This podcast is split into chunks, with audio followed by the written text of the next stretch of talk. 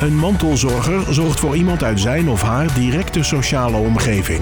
In deze podcastserie praten we met mensen die op verschillende manieren zorgen voor de mantelzorger, zodat zij altijd het gevoel hebben dat ze niet alleen staan en zelf gezond kunnen blijven. Tegenover mij zit Hans van Amstel, directeur-bestuurder van Warm Thuis. Welkom Hans. Dankjewel. En uh, kun je eens wat vertellen over wat nou Warm Thuis precies is?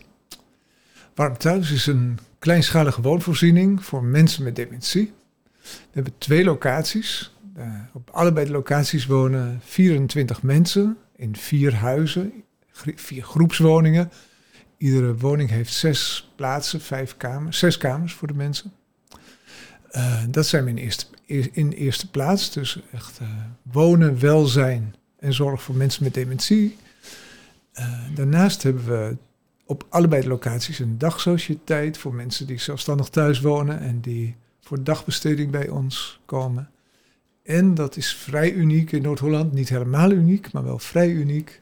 We hebben op allebei de locaties een logeerhuis. Uh, met uh, in allebei de logeerhuizen vijf plekken. Uh, dus dat zijn tien plekken in totaal. En op jaarbasis zien we daardoor 150 verschillende mensen met dementie die bij ons komen logeren. Zo, dat zijn er heel veel. Ja. ja. ja. En, en is het alleen voor mensen met dementie? Ja, het is uitsluitend voor mensen met dementie. Daar zijn wij helemaal in gespecialiseerd. En ja. waar, waarom is dat? Ja, dat is wel een goede vraag.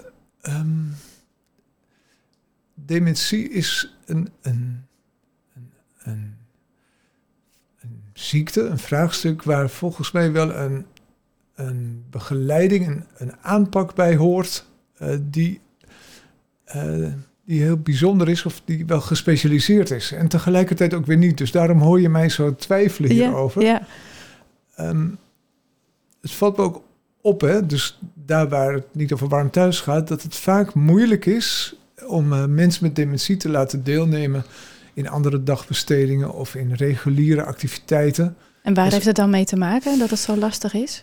Ja, het heeft te maken volgens mij met het stigma van dementie. Dus dat mensen het moeilijk vinden om dat naar buiten te brengen. Dat ze, dat ze dementie hebben en dat de partners, daar geldt het ook voor. Het gaat natuurlijk ook om dat je geconfronteerd wordt met het feit dat je minder goed mee kunt komen in uh, het dagelijkse leven. Uh, het dagelijkse, behoorlijk complexe leven vandaag de dag in Nederland. Dus dat maakt dat uh, mensen met dementie een plek nodig hebben waar eigenlijk alles voor ze is uh, ingericht op de wijze waarop zij een fijn leven kunnen leiden. En het is eigenlijk zo, dat is wel onze overtuiging, dat ieder mens met dementie tot zijn dood, zijn of haar dood, een fijn leven kan leiden. Dat zien we bij warm thuis, hè, in onze woningen. Daar is het eigenlijk toch wel iedere dag een feestje. Daar, is, Ja. daar wordt heel veel plezier gemaakt. Daar is heel veel liefde en heel veel aandacht en dat gaat heel fijn.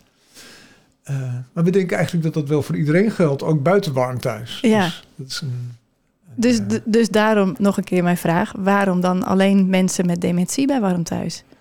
Uh, nou ja, eigenlijk heb ik dat proberen te beantwoorden. Omdat rondom de mensen van dementie vraagt het om een andere benadering.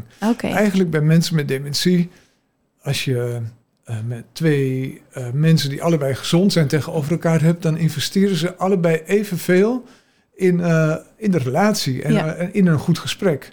En als je het als twee pijlen tussen die mensen zou zien, wat natuurlijk op de radio of op de podcast niet te zien is, maar wat ik je nu laat zien, uh, dan is bij dementie het zo dat de persoon die gezond is verder moet reiken. Dat is een langere pijl naar die persoon met dementie Ja. dan de persoon met dementie zelf. Dat pijltje is heel kort, want die, die is niet in staat uh, zo makkelijk meer om het contact te leggen, om de relatie aan te gaan, om dingen te georganiseerd te krijgen. Dus het vraagt echt om een, nou ja, een, extra, een extra investering van degene die met die persoon met dementie omgaat.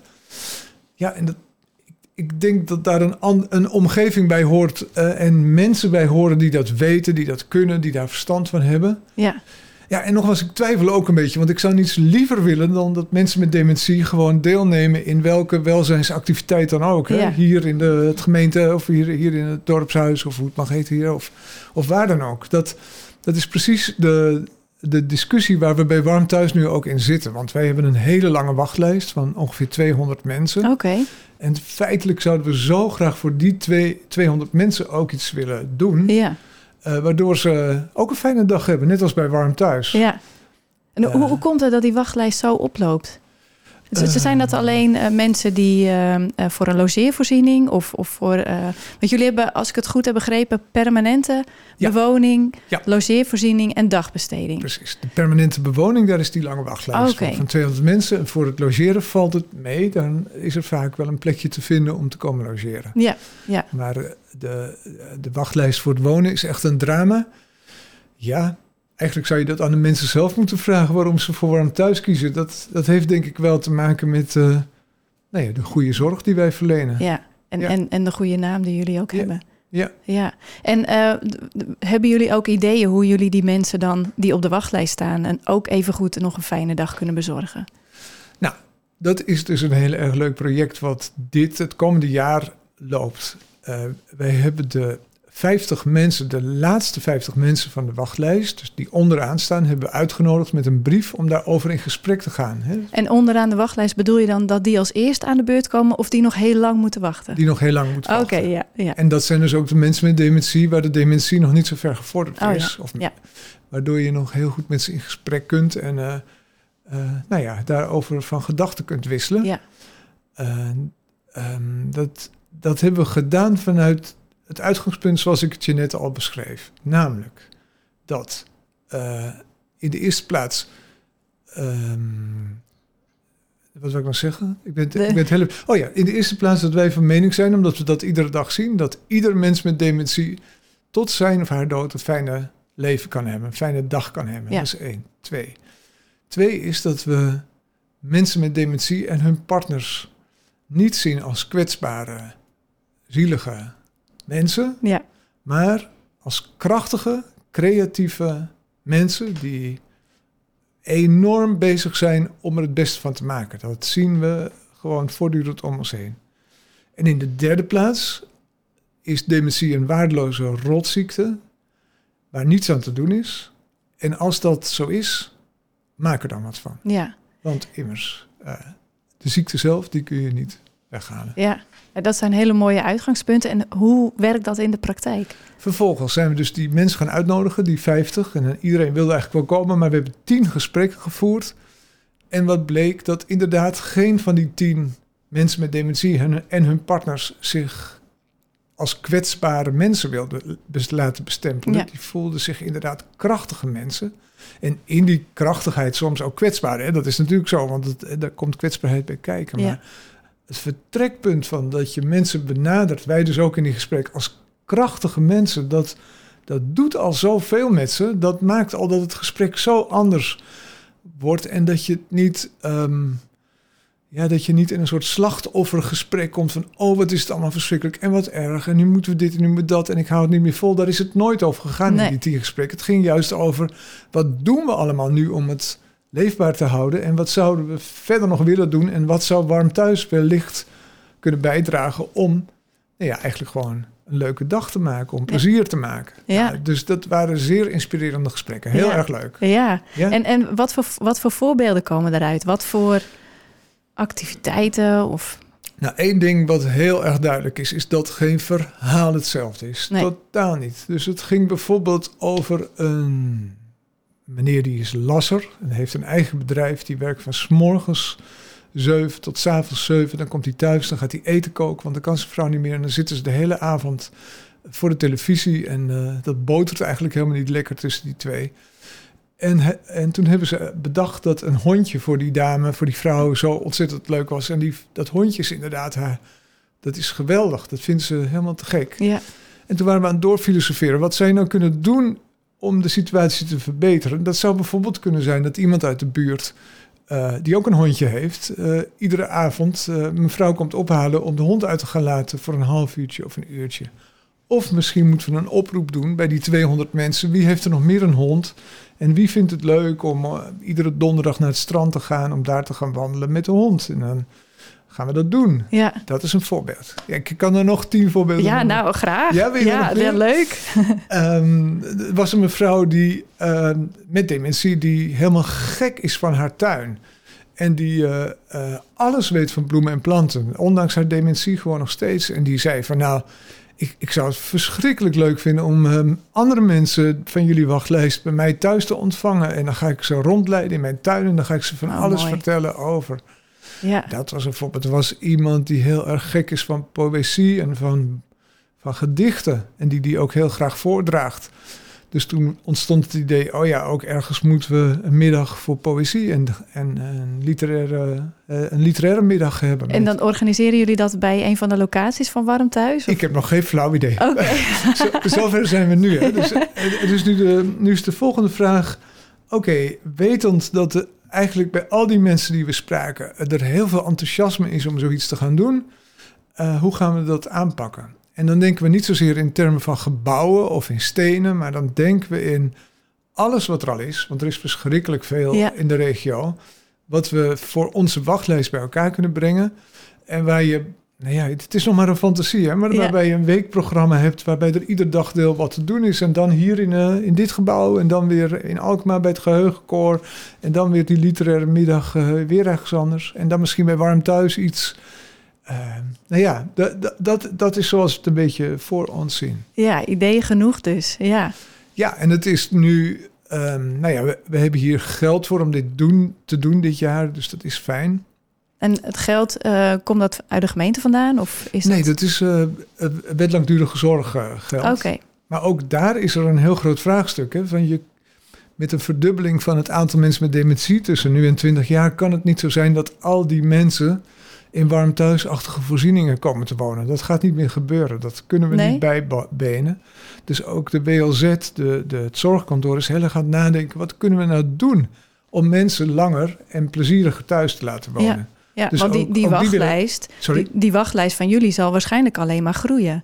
die zal alleen maar groeien. Ja. Ja, Dus je- bent dan ook echt bezig, in plaats van nog meer warm thuizen te bouwen, om te kijken hoe, hoe die mensen dan op een Klopt. andere manier kunnen worden geholpen. Ja, En, en, en dat is ook een opdracht van eh, het zorgkantoor richting warm thuis? Of, of komt dat echt bij jullie vandaan? Nou, het zorgkantoor die wil graag dat zorgaanbieders innovatieve projecten doen. Hè? Dus dat stimuleren ze. En Ja. onze logeerhuizen zijn daar een voorbeeld van. Daar zijn ze ook heel blij mee. hè. Als je die 150 mensen ook eh, langer thuis kunt laten blijven. Ja. En dit is een nieuw project wat we zelf bedacht hebben. Maar waar het zorgkantoor dan graag weer eh, aan bijdraagt. Ja. Ja.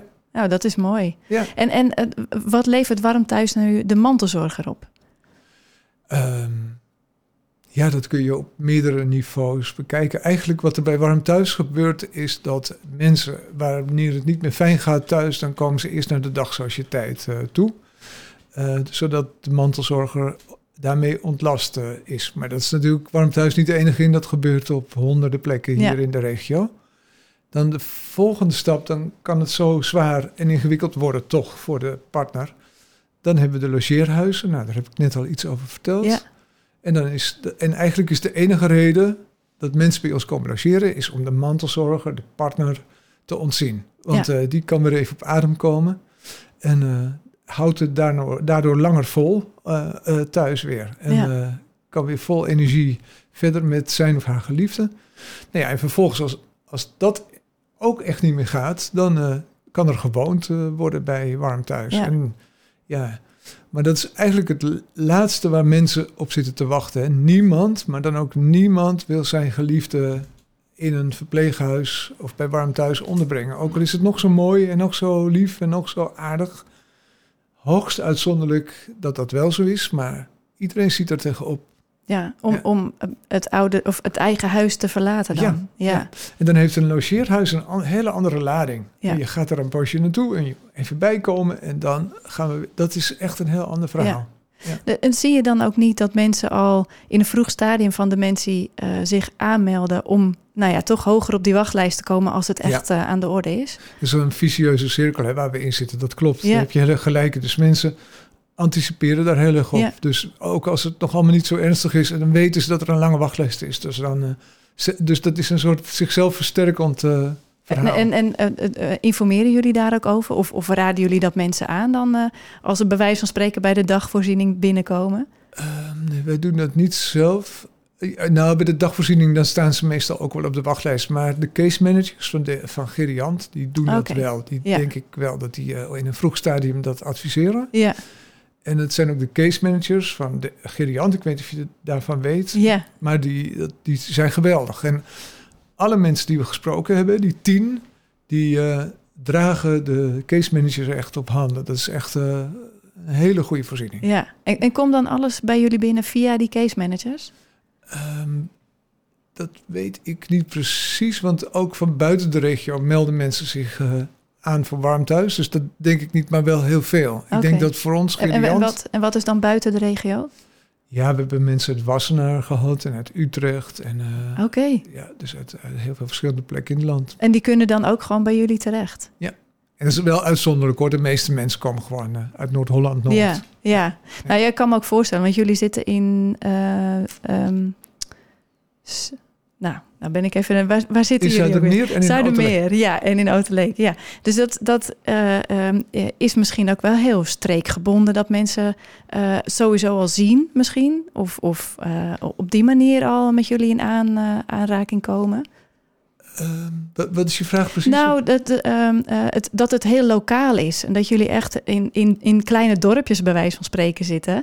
Ehm, eh, en dat je natuurlijk heel veel eh, via Geriant krijgt. Maar misschien ook wel omdat mensen al in dat dorp wonen of in de omgeving van dat dorp wonen. Ja, dat is zeker ook zo. En Warm Thuis maakt echt ook onderdeel uit van het dorp. Hè. Dus Oterleek en Zuidermeer, ja, daar komen heel veel vrijwilligers vandaan. En we Oh ja. organiseren heel veel activiteiten gezamenlijk. Dus dat is waar. Vanuit de directe omgeving komen natuurlijk ook mensen bij ons wonen. En, en hoe betrekken jullie die dorpen er dan bij?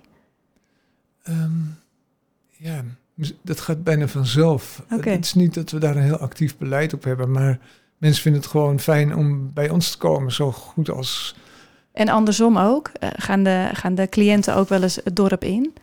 Ja, als dat kan en als ze dat willen en als ze dat kunnen, dan, dan gebeurt dat zeker. We hebben bij Oterleek een bewoner gehad die eh, iedere dag, iedere dag een wandeling van twee uur maakte. En dan wandelde die, die door Oterleek en overal stak hij zijn hand op naar iedereen. Oh, en leuk. iedereen stak zijn hand op terug. En Ja, toen hij overleden was, toen bij de uitgeleide vanaf Warm Thuis, toen waren er heel veel dorpsbewoners die, eh, die er ook bij waren om, Oh. eh, om hem uitgeleide te doen. Ja. Dus eh, zo werkt dat. ja wat mooi. Ja. En, en is het zo dat ehm, eh, bewoners, dus echt de, de- van de bewoning bij Warm Thuis, dat die zelf ook naar buiten mogen? Of is het een gesloten... ehm, Eh, nee, het, het is een boerenerf, dus iedereen kan naar buiten. Er staat wel een hek omheen, maar het is zo'n groot gebied dat niemand eigenlijk aan het hek aan het, aan- aan het rammelen Nee. is. En als ze dat wel doen en het kan, dan kunnen mensen gewoon ook weg, hè, als dat verantwoord is. Ja. Of als je, ja, dus eigenlijk is het,